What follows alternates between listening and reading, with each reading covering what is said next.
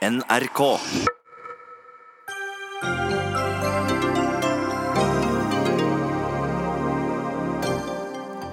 Tørken kan ennå vare i ukevis. Nå krever opposisjonen at regjeringen gjør ekstraordinære tiltak for bøndene. Vi har tatt grep allerede, svarer landbruksminister Jon Georg Dale. Et tredje mobilnett i Norge vil gi mer konkurranse og bedre mobiltjenester for både næringsliv og forbrukere, mener samferdselsmyndighetene. Gammeldags prioritering, sier tidligere Telenor-topp Jan Fredrik Baksås. Og det er revolusjonsdag i Nicaragua i dag. Nå får den gamle opprørshelten Daniel Ortega kjenne folkets raseri. Han svarer med vold mot dem som protesterer mot hans regime.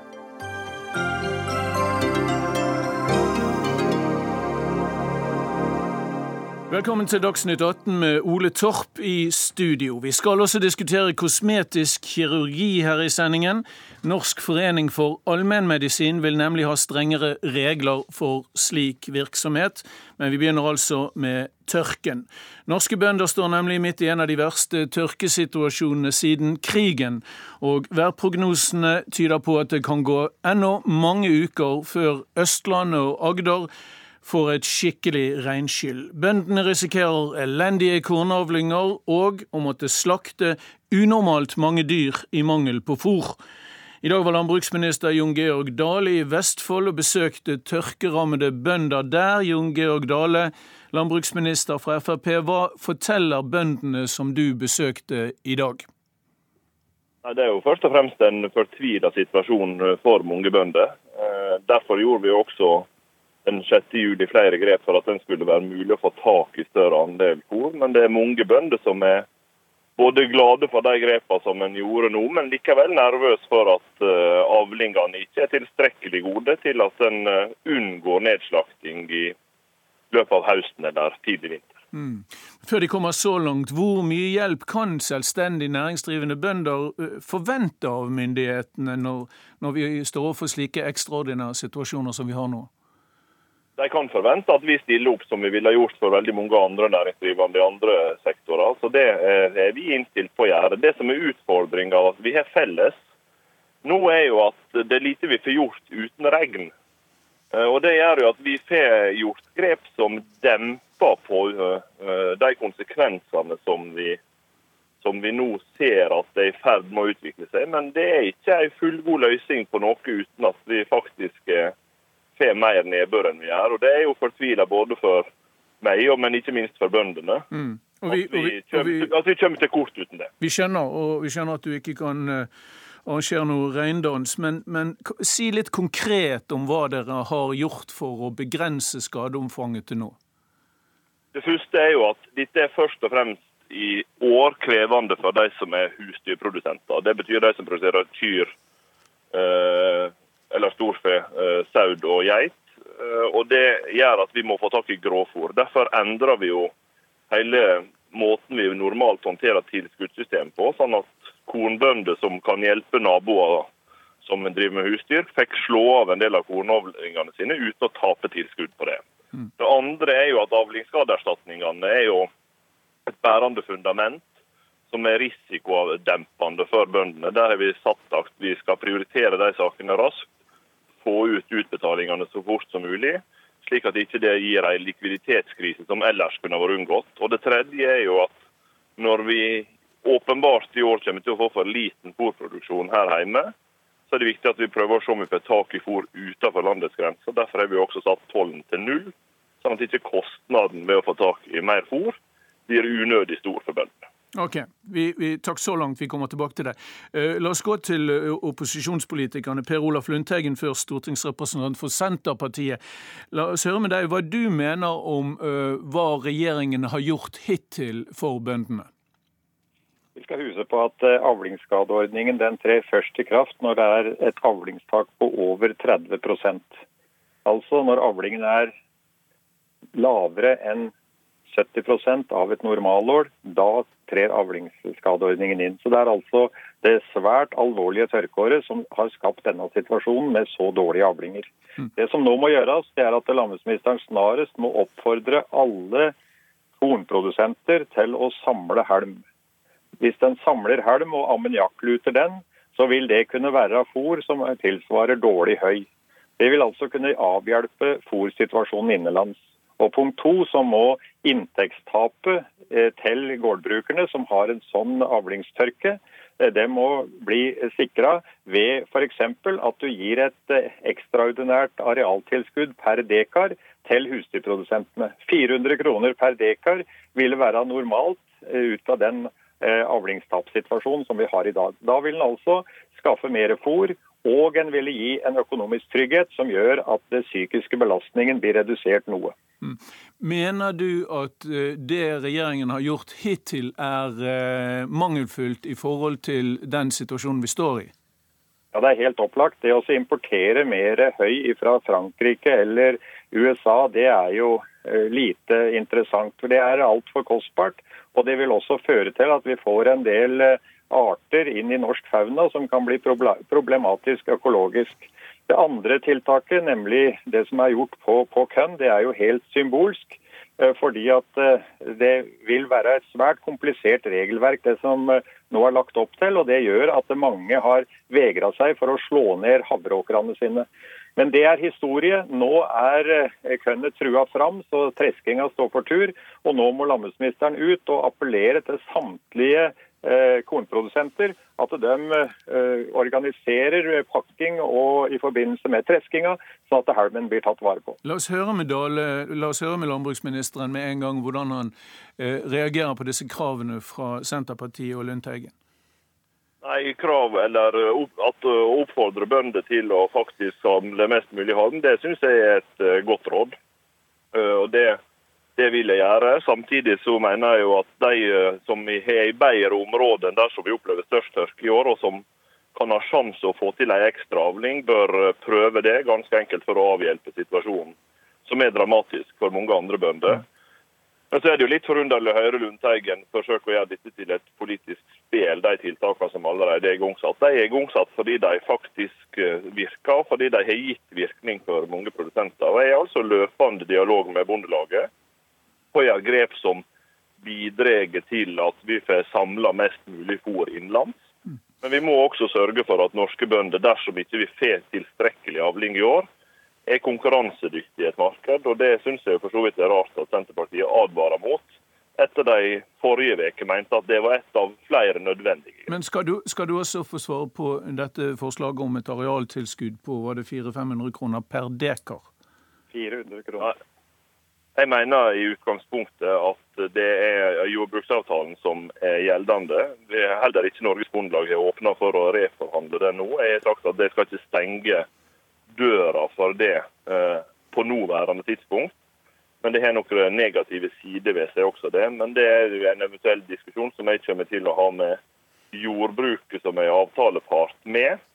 Eh, og for så vidt eh, forholde meg til de før jeg forholder meg til opposisjonens krav på det på, til, i denne fasen vi er nå. Først og fremst fordi at det jordbruket nå trenger, det bønder sier de trenger, er forutsigbarhet for de rammene de har, slik at ikke all arbeid som de faktisk får gjøre i åkeren, nå stopper opp. Og det kommer de til å få eh, som en geiststyrskudd. Ja, okay. det, det, det, som trengs, programleder, det er å begrense det økonomiske tapet. Og faktum er at dess verre tørken er, dess mer penger sta, sparer staten gjennom jordbruksavtalen. Nå må en frigi de pengene som blir spart, og i tillegg bevilge nødvendige midler, sånn at det gir en økonomisk trygghet. Det er den økonomiske tryggheten som nå må på plass, sånn at den psykiske belastningen for det her fryktelige tørkeåret blir redusert. Ok, Vi, vi kommer sikkert tilbake til det. Jeg vil også innom Arbeiderpartiet, for der har Nils eh, Kristen Sandtrøen, som er stortingsrepresentant for Arbeiderpartiet, også noen synspunkter, forstår jeg, på hva eh, regjeringen bør foreta seg nå, om det er sammenfallende med det Senterpartiet Eh, foreslår eller krever? Utgangspunktet her er jo at det er en uh, situasjon som uh, da faktisk uh, kan svekke tryggheten til folk og få konsekvenser for arbeidsplasser over hele landet vårt. Det er en ekstraordinær situasjon, og da trenger vi handlekraft og praktiske grep. Det er en tydelig holdning til oss i Arbeiderpartiet. Ja, ser du ikke den, ser du ikke den handlekraften, Sandtrøen? La meg ta et konkret eksempel som vi har nå. Vi sier at nå må det komme en klar og tydelig beskjed umiddelbart fra regjeringa at eh, alt det fôret som kan produseres ekstra, f.eks. i Nordland, hvor det har vært en eh, bedre sommer med noe mer nedbør, den eh, beskjeden gjør at flere der kan satse på å få en skikkelig god slått nummer to. altså optimal grasproduksjon hvis de nå setter i gang med gjødsling og alle de praktiske tiltakene for å utnytte hele bredden av arealer som vi har i landet vårt, og da spesielt hvor det faktisk går an å produsere noe mer og få opp en viss beredskap. Det avviste landbruksministeren, men dette her er jo bare ett av flere tiltak som må komme på plass. Og vi må gjøre grep nå, og så må vi tenke på hva for noen konsekvenser får det her for neste år. Og det er nå en stor uh, bekymring knytta til om vi har nok Sandtrøen, bare stoppe deg der, for Jeg vil gjerne høre svaret på, på det Nord-Norge-spørsmålet, også fra landbruksministeren. Vær så god, Dale. Jeg mente at det er naturlig at den situasjonen vi er i nå, blir likebehandla med den krevende situasjonen vi også hadde i fjor, når Vestlandet regna vekk. Da dekte bøndene den kostnaden sjøl. Men dette er jo blant flere spørsmål som jeg diskuterer løpende med eh, Norges Bondelag, som er avtalepart i jordbruksforhandlingene, og som tross alt er de som organiserer eh, bøndene i veldig stor grad. Og Det som er eh, litt forunderlig med opposisjonen nå, er jo at jeg opplever at den dialogen vi har med jordbruket er veldig god for å gjøre de tiltakene som er mest effektive. Og så driver opposisjonen og kommer med helt andre forslag som ikke jordbruket sjøl heller er bedt om ganske enkelt fordi en skal ha en slags vise en slags politisk uh, standpunkt til dette, i stedet for å gjøre de grepene som er gjennomgående fornuftige. Det som opposisjonen kan være helt trygge på, er at vårt samarbeid med Bondelaget på dette kommer til å ivareta viktige hensyn som bondestanden sjøl mener er viktig. Og Det er tross alt viktigere for den enkelte bondes økonomi enn at vi svarer ut forslag fra opposisjonen som handler om å ikke behandle bønder likt fra et år til et annet, eller som handler om å gripe inn en jordbruksavtale som det tross alt er Stortinget som har fastsatt rammene for. Ok. La oss gå til Kristian Anton Smedshaug, som er eh, daglig leder i Agri Analyse. Du får være eksperten her på vegne av, av bøndene nå. Eh, her i studio, hvor alvorlig vil du si at denne tørken er for norske bønder? Denne er meget alvorlig, og den har gått fra en alvorlig situasjon til i ferd med å bli en krise idet vi som du nevnte innledningsvis, ikke ser utsikter til regn før kanskje ut i august etter prognosene. Og også derfra og videre mot september er det uvisst. Med andre ord, det de sitter med av avling nå, det er kanskje det de må planlegge med å få, i verste fall. Det betyr at det foregår mange små avgjørelser rundt nå på gårdsbrukene rundt omkring i landet om hvordan de skal tilpasse seg dette. Og de, alle vet det, at vi kan få fôr enten via halm, eh, via import, med tilpassa kraftfôr fra Felleskjøpet og andre. Men det er kjøpekraften for å få kjøpt dette fôret, så nå er det dramatiske for folk som ser nå at de kan få en kostnad på innkjøp på 300 og 400 000 kroner, altså tilsvarende vanlig inntekt på gården, og dette er ekstraordinære kostnader. Fordi det koster så mye mer å fôre en ku uh, på denne måten, det er det du sier? Ja, den samla innkjøpene her eh, blir så høye fordi at kan, et enkeltbruk da, med 30 melkekyr trenger kanskje 600 rundballer. De sitter med 300. Nå må de ta dyra inn fra beiter som allerede er tørre. De må begynne å fôre med vinterfôr i dag istedenfor i oktober. Og da mangler de fort 300 rundballer. De kan i hvert fall regne 1000 kroner stykket for dem, da, tilkjørt. Uh, avhengig av om staten er med og støtter eller ikke. Dette er kostnader som de sitter og regner på, og de ser at vi får følgekostnader for neste år også. Så, Så hvor stor, på et, Det er kanskje vanskelig å beregne fra et middels bruk, men hvor store kostnader vil et middels tørkerammet bruk uh, ha med en bestand på 20-30 eh, kyr? Du kan kanskje regne 10 000 ekstra per melkeku. Eh, da har du 300 000 på 30 dyr. Og du har da en del ungdyr som skal fôres i tillegg, som vil bli en 100 150 000. Så vi prater fort om ekstraordinære kostnader som kan overstige normalinntekten. Mm. Disse langt siste værprognosene som vi snakket om i innledningen, tyder altså på en langvarig tørke, kanskje helt ut i september, så vidt jeg kunne se. Hvor stor rolle spiller det hva politikerne foretar seg nå når vi har eh, den situasjonen for bøndene? Og, og med bøndene eh, medfører vi også uh, matproduksjonen. ikke sant? Jeg tror politikernes rolle nå blir avgjørende, for dette er, som eh, den svenske landsbygdsministeren sier, en krise som bøndene ikke kan takle alene. De har nå sagt at de vil stille ekstraordinære midler til disposisjon, fordi det er den samlede kjøpekraften, det er hvordan samfunnet nå verdsetter det, hvordan samfunnet velger å håndtere dette her, som vil avgjøre veldig mye av de avgjørelsene som skal tas nå de nærmeste måneden, og nærmeste måneden eller to rundt omkring, når de nå går inn i en vinter hvor de blir mer og mer usikre på om det blir mulig å få tilbake en rimelig, eh, rimelig forsyningssituasjon. Og dermed så er politikerne egentlig avgjørende for hvordan dette kommer til å gå, når det har nådd dette nivået som vi nå ser på. Uh, la, la, meg spørre Nils Kristian Sandtrøen. Uh, er det en samlet opposisjon som nå vil kreve ytterligere tiltak fra regjeringen? Det er helt klart at det er. Vi har eh, et eh, offensivt eh, landbruksflertall på Stortinget som er opptatt av at vi skal ha trygg matproduksjon i Norge, arbeidsplasser i hele landet, og dermed til sjuende og sist sikkerhet for folk. Men du og, og Lundteigen nevnte litt forskjellige tiltak som, som burde være prioritert her enige om begge disse to praktiske tiltakene, og vi kommer til å trenge flere praktiske tiltak. Og eh, Sammenligninga med hva som skjer i Sverige er veldig god. For der har landbruksministeren hatt en tydelig og klar holdning og sier at vi må snu hver stein i den situasjonen vi er i. Og han understreker at sjøl om det kommer til å kunne bli noe regn, så forbereder de seg på at tørka kan vare, og det vil uansett bli en krevende situasjon. Og Det er her det er en viktig forskjell. Fordi eh, regjeringa i Norge har sagt type ting som at vi skal vente til august med å da forsøke å få oversikt over situasjonen. Men poenget er at hvis vi skal kunne klare å få ut og få fram alt ekstra fôret som kan produseres, så må gårdbrukerne få den forsikringa om at fellesskapet kommer til å stille opp nå.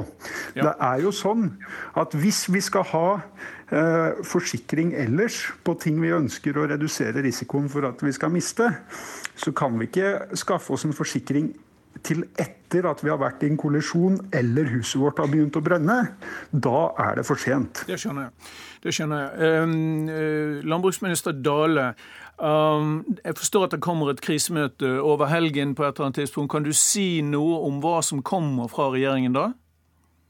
Vi har et møte som er avtalt med jordbruket til eh, mandag. Da vil vi drøfte videre forslag eh, som både vi fra vår side og fra jordbrukets side mener kan være naturlig å vurdere i den situasjonen vi er i nå. kan du si noe konkret om, om, om, det er noe av det du har hørt fra Senterpartiet og Arbeiderpartiet de siste minuttene som kan være aktuelt å ta med seg inn i det møtet? Nei, det, da de forslagene jeg hørte, nå utover det å anbefale bøndene å ta vare på halmen, så er det ikke det først og fremst fordi jeg opplever at heller ikke jordbruket primært etterlyser det. Sånn at min dialog i tida framover og mine tiltak i tida framover som en også kan legge til grunn at vil komme på flere områder, vil altså handle om hva bøndene sjøl mener er viktigst. Og Tross alt så tror jeg at i den situasjonen vi er i nå, der veldig mange bønder opplever dette som ekstremt krevende, så er det bedre at de hører på gjennomtenkte forslag fra eh, Norges Bondelag og fra medlemmene deres, enn at det hører på eh, skudd fra hofta fra Arbeiderpartiet. Ok. Siste spørsmål til, til Smedshaug fra Agrianalyse. Hvis vi ser på denne sommeren og ser for oss at dette er en trend vi skal leve med i mange år fremover, Ser vi da et norsk landbruk som er gjennom en stor omstilling for å møte utfordringene? Det var igjen en omstilling, men det norske landbruket er ikke så dårlig tilpasset dette. Vi har 26 kyr per gårdsbruk, danskene har 200. Vi bruker fortsatt utmarka, har et ganske variert jordbruk over hele landet, som i dette tilfellet er en forsikring. Så vi kan fortsette med det vi har gjort bra hittil, og så skal vi kunne greie dette òg. Tusen takk. Takk til eh, landbruksminister Jon Georg Dale, Per Olaf Lundteigen fra Senterpartiet, Nils Kristen Sandtrøen fra Arbeiderpartiet og Kristian Anton Smedshaug, daglig leder i Agri Analyse. Dagsnytt 18 alle hverdager kl 18.00 på NRK P2 og NRK2.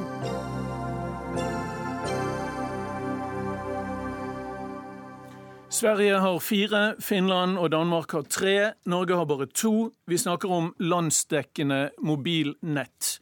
I tillegg betaler vi mer for mobildata her til lands enn brukerne i våre naboland gjør. Og nå tar Samferdselsdepartementet til orde for å få et tredje landsdekkende mobilnett også i Norge. Brage Baklien, statssekretær i Samferdselsdepartementet. Hvorfor trenger vi egentlig tre mobilnett? Mobilutgifter er en betydelig kostnad for mange, og vi ser at mobildata er veldig dyrt i Norge sammenlignet med andre land. Det koster syv ganger så mye i Norge for en gigabyte sammenlignet med Finland. Og også Sverige og Danmark ligger eh, mye lavere.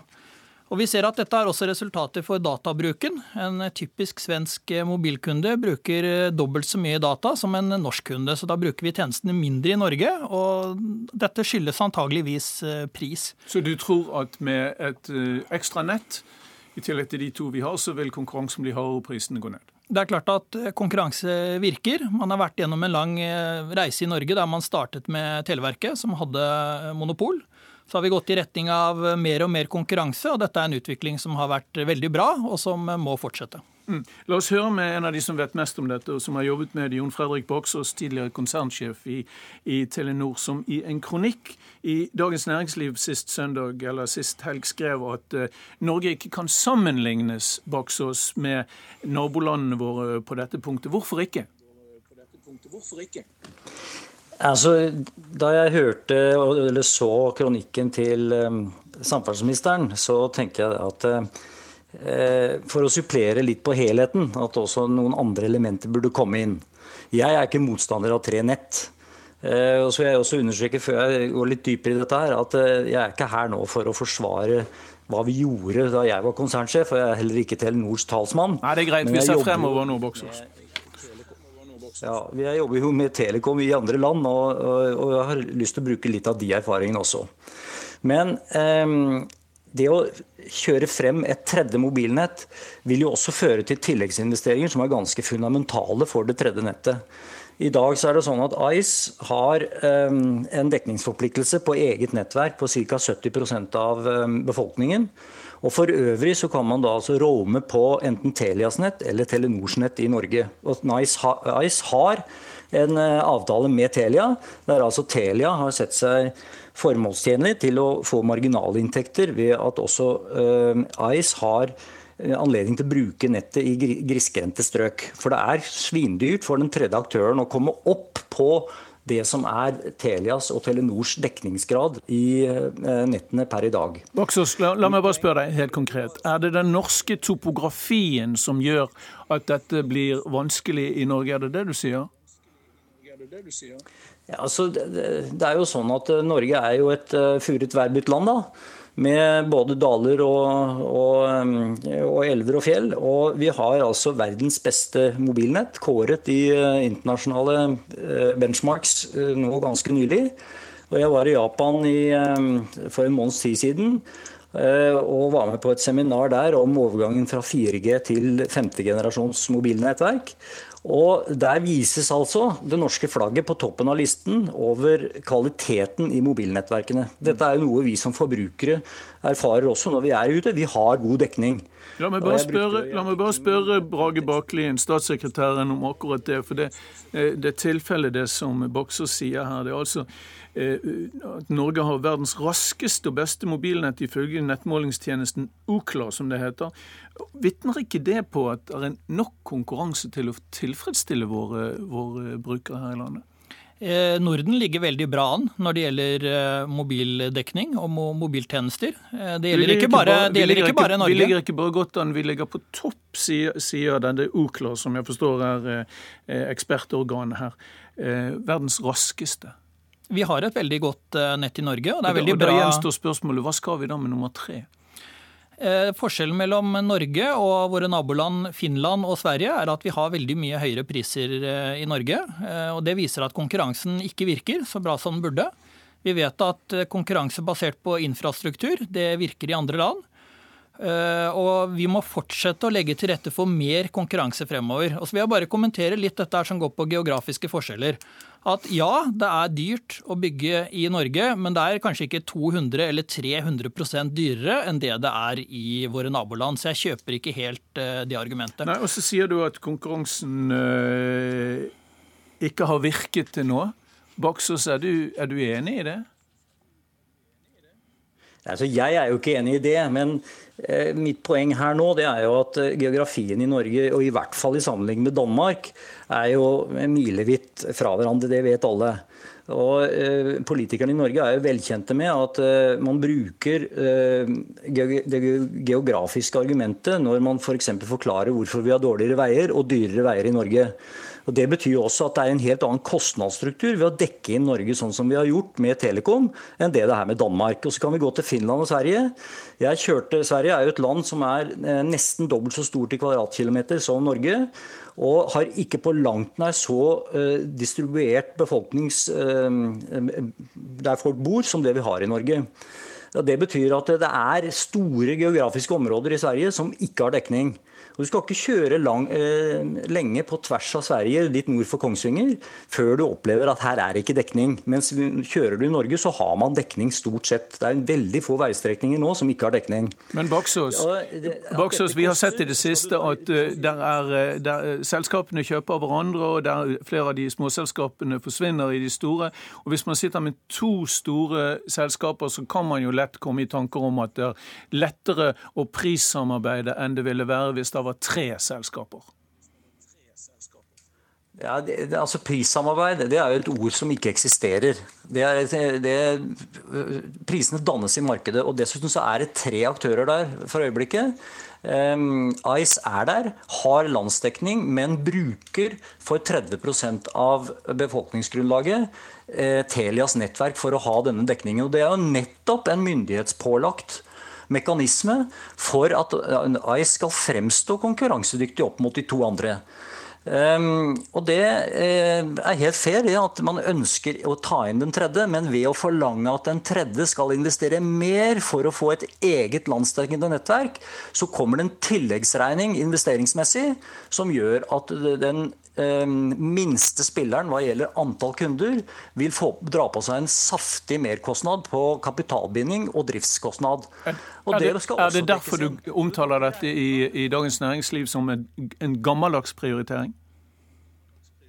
Jeg mener det, og jeg mener også at eh, regulatørene i og Nå er jeg mer over på Europa. Altså eh, Regulatørene i Europa, eh, godt drevet av EU, har i en relativt lang periode konsentrert seg om sluttbrukerprising i uh, sin reguleringstilnærming. Det har ført til at Europa har blitt sinken i utvikling av nye tjenester for mobiltjenestene. Mm. Og, mens i USA så har man i den samme perioden Eh, gått fra å ligge bak Europa til å ligge langt foran, både i tjenesteutvikling og i forbruk. Ja. Eh, riktignok også på en høyere kostnadsnivå per bruker enn det man har i Europa. Jeg skjønner, Baksos, men det betyr, når det kommer til bottom line, som vi sier på ditt språk, holdt jeg på å si, at, at du tror simpelthen ikke på at det blir noe billigere eh, for forbrukerne, hva enten det er privatkunder eller, eller bedrifter, å få inn et tredje nett? Ja, altså Hvis du forlanger at et tredje nett skal ha den samme substansen og den samme kvaliteten som de to eksisterende nettene, der Telenor-nettet har over 10 000 basestasjoner, Telia-nettet har mellom 6000 og 8000 basestasjoner, tror jeg, eh, så eh, løper det på en kostnadsstruktur for den tredje aktøren som er ganske vesentlig, som også må dekkes inn. Da er det kanskje ikke så dumt samfunnsøkonomisk å la faktisk den tredje aktøren bruke infrastruktur som de andre har bygget ut, eh, og som da gir landsdekning for den tredje eh, Takk. spilleren. Takk skal du ha, Boksås. Der hører vi at Boksås åpner faktisk for en tredje hvis vi kan bruke den, den samme infrastrukturen. Eh, det er riktig at eh, Ice er et stykke på vei til å ha et tredje nett i Norge. Eh, og dette må vi ha mer av. Vi må ha mer konkurranse. Bakgrunnen for denne saken er jo at Konkurransetilsynet har gitt en, en bot til Telenor på 788 millioner for å ha misbrukt sin markedsmakt. Og Da var det helt nødvendig for oss å, å, gå ut i media og slå fast at vi ønsker det som vi har sagt hele tiden, et tredje mobilnett i Norge. Takk skal du ha. Da sier vi takk til statssekretær Brage Baklien fra Samferdselsdepartementet og Fremskrittspartiet, og til Jon Fredrik Baksås.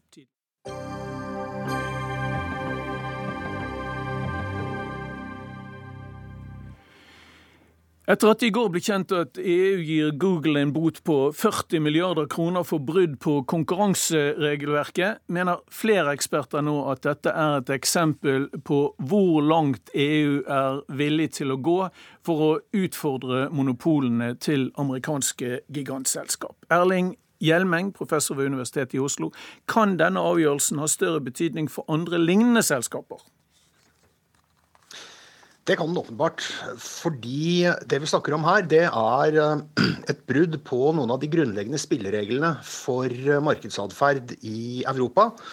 Og eh, det som kanskje er litt overraskende, det er at de europeiske konkurransereglene som Google her er felt etter, de bygger på amerikansk antitrust, eller nærmere bestemt Sherman Act, som går tilbake til 18, 1890. Så I utgangspunktet så er det identiske konkurranseregler i USA og eh, Europa. Og denne misbruksbestemmelsen eh, som Google nå er bøtelagt etter, det er for øvrig akkurat den samme bestemmelsen som Konkurransetilsynet har felt eh, Telenor etter, som vi hørte i forrige innslag. Det var i forrige innslag, ja. Her i studio, Martin Gundersen, som er reporter i NRKs Beta.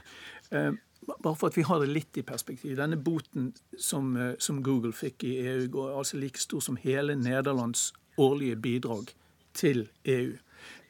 Der har vi perspektiv i hvor stort dette er. Burde andre Silicon Valley-selskaper nå være nervøse? Ja, for samtidig så er jo dette bare 16 dager med omsetning for Alphabet, som er Googles eh, mm. voksenselskap. Eh, sånn at når man ser på pengesummene, så er jo dette smådråper i havet for et selskap som Google. Men samtidig så er det jo sånn at du kan komme med flere bøter på rappen. Eh, og man har sagt at hvis ikke Google tar seg sammen i 90, 90 dager på de punktene de var kids til, så vil de begynne å få bøter fortløpende. Eh, og det handler jo om at man har en mye tøffere tone i Europa enn man har i andre land. Hvor man har sagt man er villig til å gi ut store bøter over lang tid hvis man er i tvil om man faktisk bryter konkurranselovene. Men, men, men, amerikanske selskaper i Europa er jo vant til veldig tøffe antitrust-lover, som professoren var inne på, eh, hjemmefra. Er dette et, et, et, forsøk på å få eh, slippe unna på en rimeligere måte i det europeiske markedet? Mitt inntrykk er at uh, i USA nå så er det veldig mange selskaper som slår seg sammen og blir kjøpt opp. Og man har sett veldig lite i den nåværende amerikanske regjeringen at man ønsker å gå etter disse selskapene. Man har i stor grad akseptert at selskaper er veldig store og har et omfattende økosystem som Google, hvor de er store på søk. De har Android mobiltelefon. De har Gmail, som nesten alle bruker til å sende private e-poster. De har Google Maps. De har tjenester som spenner veldig mange områder, som sammen eh, man har sett i USA til nå. Man har ikke sagt at dette er greit eller ikke. Man har akseptert dette. Mm, det er blitt mer slik. Eh, eh, professor Hjelmeng, eh, kan EUs regelverk på dette området bidra til å skremme amerikanske selskaper bort fra Europa? Jeg tror absolutt ikke det. Eh, og Der har jeg også lyst til å knytte en kommentar til eh, kommentaren her. Fordi det er jo slik at uh, nasjonale konkurransemyndigheter kanskje ofte vil ha en tendens til å ta litt lettere på sine egne national champions, som også vokser uh, globalt. Og Da er det egentlig bare rett og rimelig at disse selskapene møter motstand fra EU-konkurransemyndighetene. Så er det en ting til med amerikansk konkurranserett, nemlig at det er lagt mye bedre til rette for privat håndhevelse gjennom søksmål. Og Der står det jo en sak uh, i disse dager for Supreme Court, uh, Apple versus Pepper, der en rekke brukere av Apple-produkter har saksøkt Apple fordi de mener at AppStore jekker opp prisene fordi alle apper må gjennom denne AppStore, hvor Apple selvfølgelig tar seg betalt. Men Hjelmen, hvis vi holder oss til eh, det europeiske markedet, eh, kan, kan, eh, kan det se ut som disse store amerikanske selskapene bare tar seg råd til å betale boten og så gå videre fordi de rett og slett har råd til det, men ikke har råd til uh, å bli tatt ut av markedet? Nei, altså boten er jo ment eh, å virke avskrekkende også for andre selskaper. Mm. Samtidig vil kommisjonen kunne pålegge uh, endret atferd for fremtiden. Hvis vi tar ett eh, element i denne saken, så har jo kommisjonen ment at Google krever at Uh, altså man preinstallerer søkesystemet og Chrome-browseren. Og hvis ikke man gjør det, så får ikke produsentene av mobiltelefoner tilgang til PlayStore. PlayStore det er selvfølgelig en app man må ha. Og sånn sett tvinger altså Google uh, sine egne apper inn på mobiltelefonene. Og det hemmer åpenbart uh, konkurransen. Og det er klart at uh, det vil de ikke kunne fortsette med etter dette vedtaket. Nettopp. Martin Gunnarsen, Det er ikke første gang Google får bøter i Europa. Er, er, EU spesielt ute etter disse store selskapene? Altså Det man ser, er jo hvordan disse selskapene opererer. hvor I fjor så fikk Google en bot for å bruke søketjenesten, som er den dominerende i Europa, til å si at vår prissammenligningsside, Google Shopping, skal få fortrinnsrett foran andre lignende sider, som gjorde at de over natten nærmest opplevde at de forsvant fra internett. Mm. Eh, og de selskapene har jo i stor grad forsvunnet bort, og det er det man er redd for, at mindre europeiske selskap kanskje Spotify nå, som er store på musikkfronten, plutselig skal forsvinne over natten. hvis så, Apple går Så boten er også ment til å, å, å hjelpe mindre selskaper Definitivt. til å nå frem, og ikke la de store amerikanske blokkere. Takk skal du ha, Martin Gundersen fra NRK Beta, og takk også til Erling Hjelmeng, professor ved Universitetet i Oslo. Hør Dagsnytt 18 når du vil. Radio NRK Radio.nrk.no.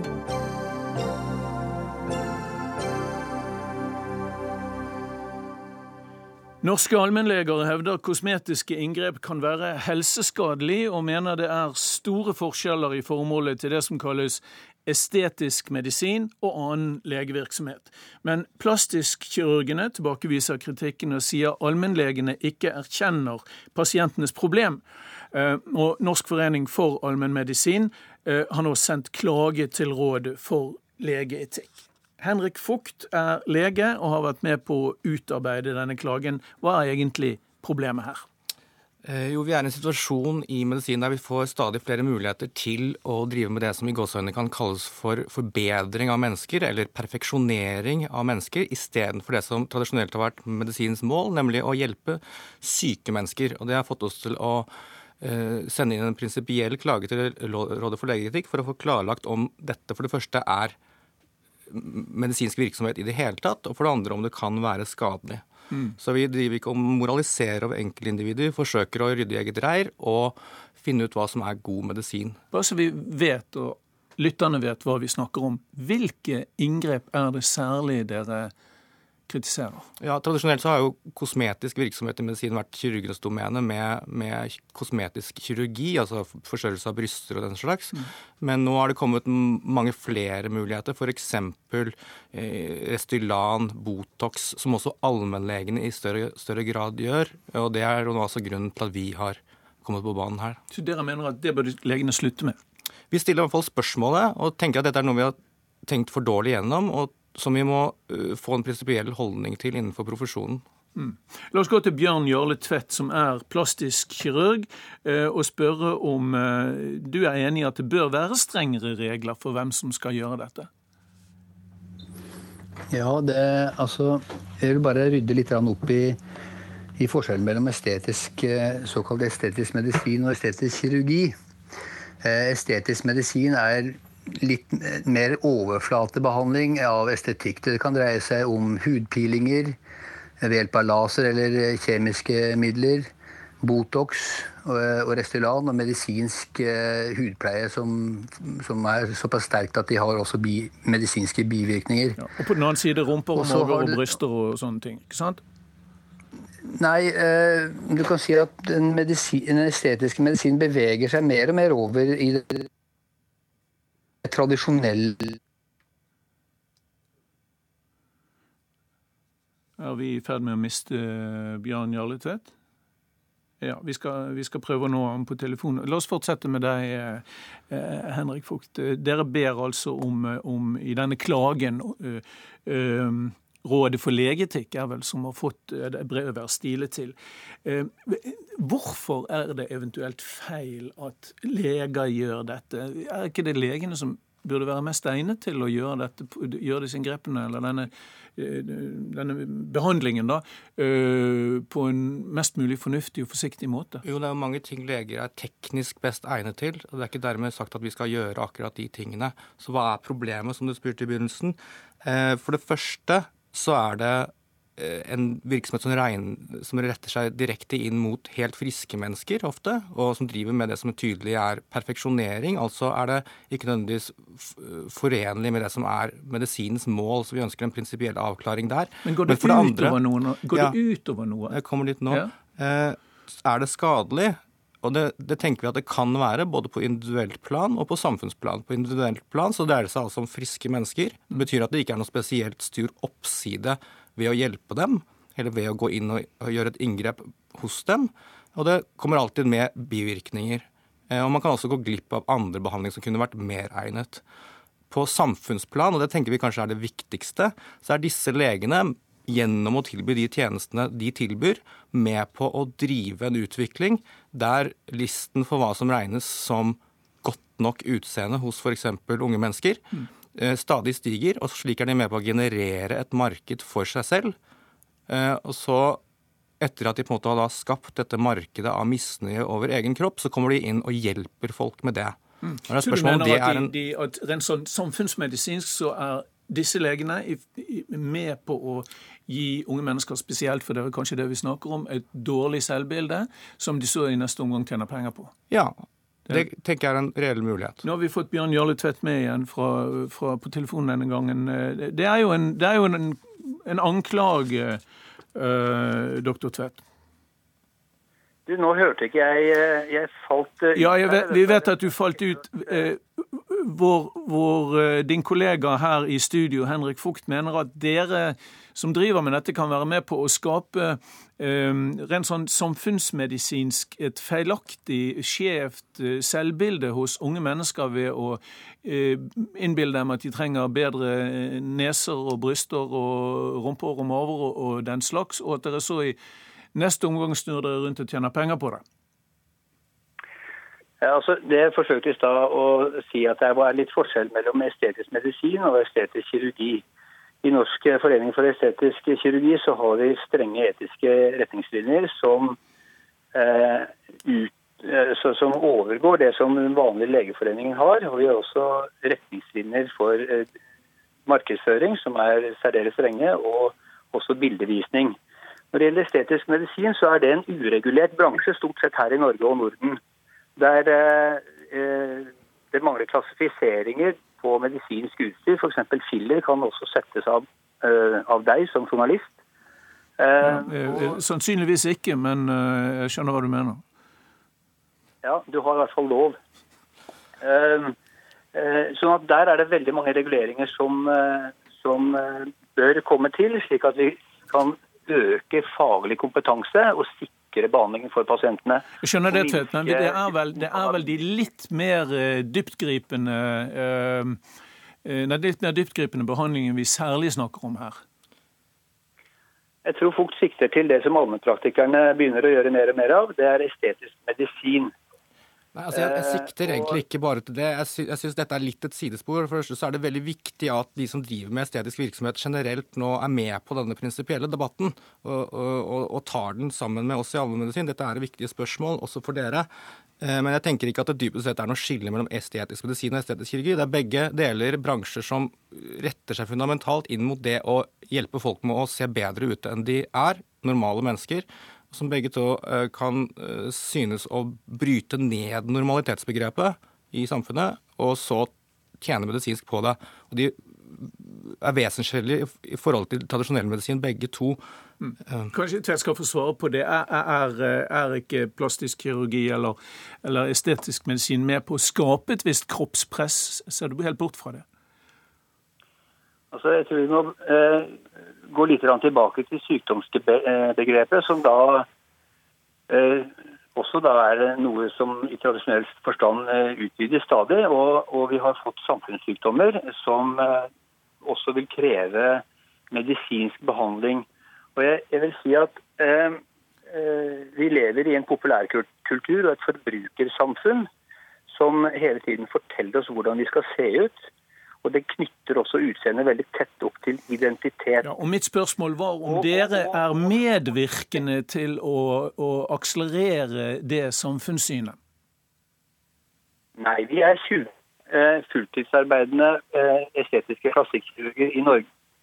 Det syns jeg er en uholdbar påstand. Eh, til dette her, eh, Den eh, kroppspresset det er en samfunnsproblematikk. Og de som møter hos oss, de møter hos oss for å få helsehjelp i det perspektivet der. I det perspektivet. Men dere bidrar ikke til det. Det er det, det, det, det, du sier. Fukt, vær så god. Nei, vi bidrar ikke til det. Jeg tenker at det er det å si at, at plastisk kirurgi Ja, En av gangen nå. Vær så snill.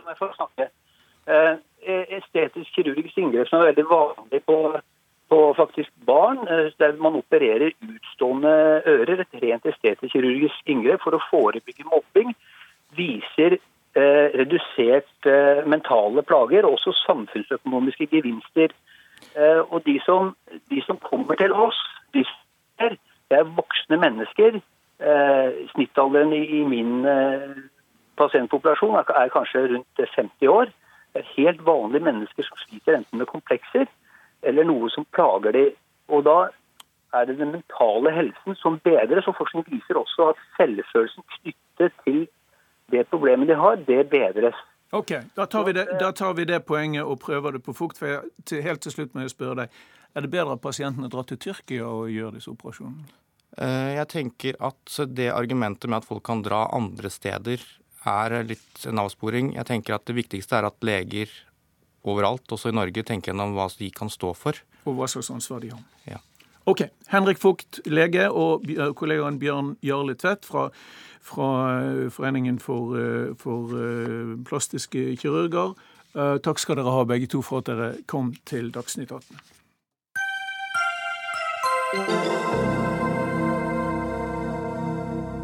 På 80-tallet var han feiret som en revolusjonær helt. Daniel Ortega ledet sandinistbevegelsens opprør mot diktatoren Anastasio Somoza i Nicaragua, men i dag er det altså Ortega selv og hans kone Rosario Morello som får føle folkets vrede. Demonstrasjoner mot parets styresett er blitt møtt med vold, flere hundre regimemotstandere er drept. Mange mener at Ortega Morillo-familien leder et korrupt og voldelig regime, og at på denne 39. revolusjonsdagen i Nicaragua i dag kan det snart komme en ny revolusjon. Vegard By, Latin-Amerika-ekspert. Helt siden april har det vært uroligheter i Nicaragua. Studenter som protesterte mot kutt i pensjoner og andre velferdsordninger, ble møtt med vold, og siden har situasjonen forverret seg. Er det et rettferdig opprør mot Daniel Ortega vi opplever? Ja, det mener jeg bestemt vi må si. Og det paradoksale er jo at eh, Ortega selv var en del av et svært lignende opprør for 39-40 år siden. Eh, dette er et eh, tragisk paradoks. Et eksempel igjen på hvordan makt korrumperer, og hvordan absolutt makt korrumperer absolutt. Eh, husk på at den revolusjonen som skjedde i Nicaragua for 39 år siden, var kanskje et av de mest håpefulle politiske begivenhetene i det forrige århundre. Med en idealistisk idealistisk ungdomsrevolusjon som virkelig ønsket å gi dette landet eh, frihet, demokrati, eh, sosial rettferd, etter å ha levd under et, eh, et blodig diktatur i 40 år. Og nå har altså Ortega selv blitt en slags utøver av et tilsvarende regime med så alvorlige menneskerettsbrudd at vi må bare håpe at det kommer opp for en internasjonal domstol etter hvert. Men hva er det, det er som er gått galt i Nicaragua, Vegard som gjør at dette nå helt er i kneet igjen? Ja, Det er en lang historie og komplisert å forklare, men kort, noen korte eh, forklaringsbilder av dette er jo at eh, det opprøret og det nye, eh, håpefulle samfunnet som ble bygd opp i, på, fra 1979, det blir jo raskt knust av en invasjonsstyrke finansiert av USA, nemlig Contras, som ikke bare ødela økonomien, men som på en måte malte i stykker hele det idealistiske samfunnsprosjektet prosjektet som sandinistene representerte. Og så, da de tapte valget i 1990 og ga fra seg makten, så eh, grep på en måte Ortega selv ansvar for å videreføre dette regimet. De fleste av de andre ledende sandinistene gikk i opposisjon, er i dag ledende i opposisjon mot han.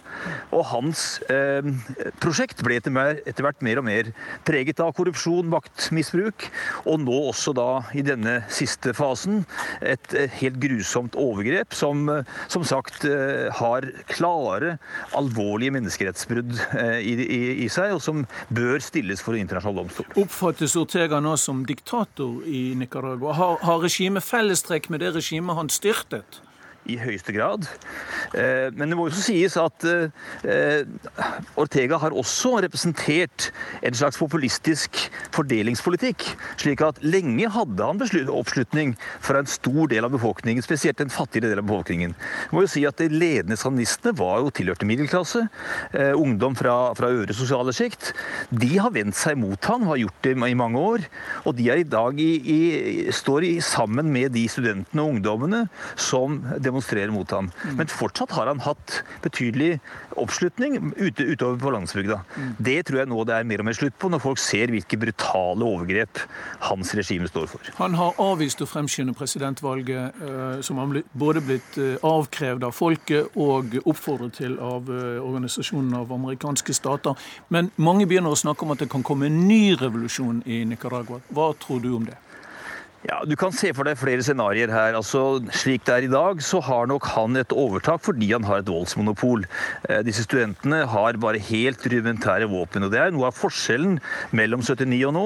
Da var det en væpnet bevegelse som sto imot Somoza. Det andre er at det begynte som et rent spontant opprør. Nå er det blitt mer organisert etter hvert, men det er ingen klare lederskikkelser, ingen, klare, ingen klar bevegelse. Så det, jeg tror det går mot en type forhandlingsløsning, forhåpentligvis. Man kan frykte at han nå bruker sin militære overmakt til å, til å knuse det som er igjen av motstanden. Men et håpefullt tegn er at de militære hittil har holdt seg i barakkene.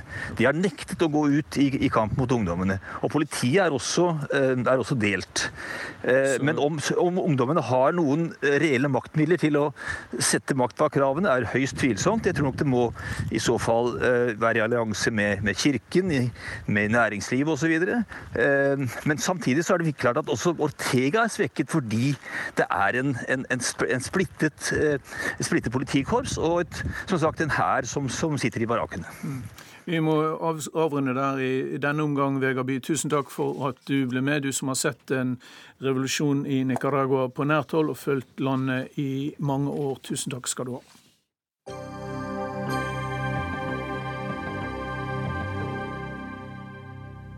Ingen kommuner bør ha færre enn 5000 innbyggere. Det mener både kommunalministeren og høyrepolitikere på Stortinget. I dag har vi 422 kommuner. I fjor vedtok Stortinget at antallet skal være 356 innen to år eh, fra nå. Men selv da, eller neste år altså, men selv da vil rundt halvparten av kommunene ha under 5000 innbyggere. Hvis jeg har alle tallene riktig nå, Marit Holm eh, Lønseth, stortingsrepresentant eh, og i kommunalkomiteen for, eh, for Høyre.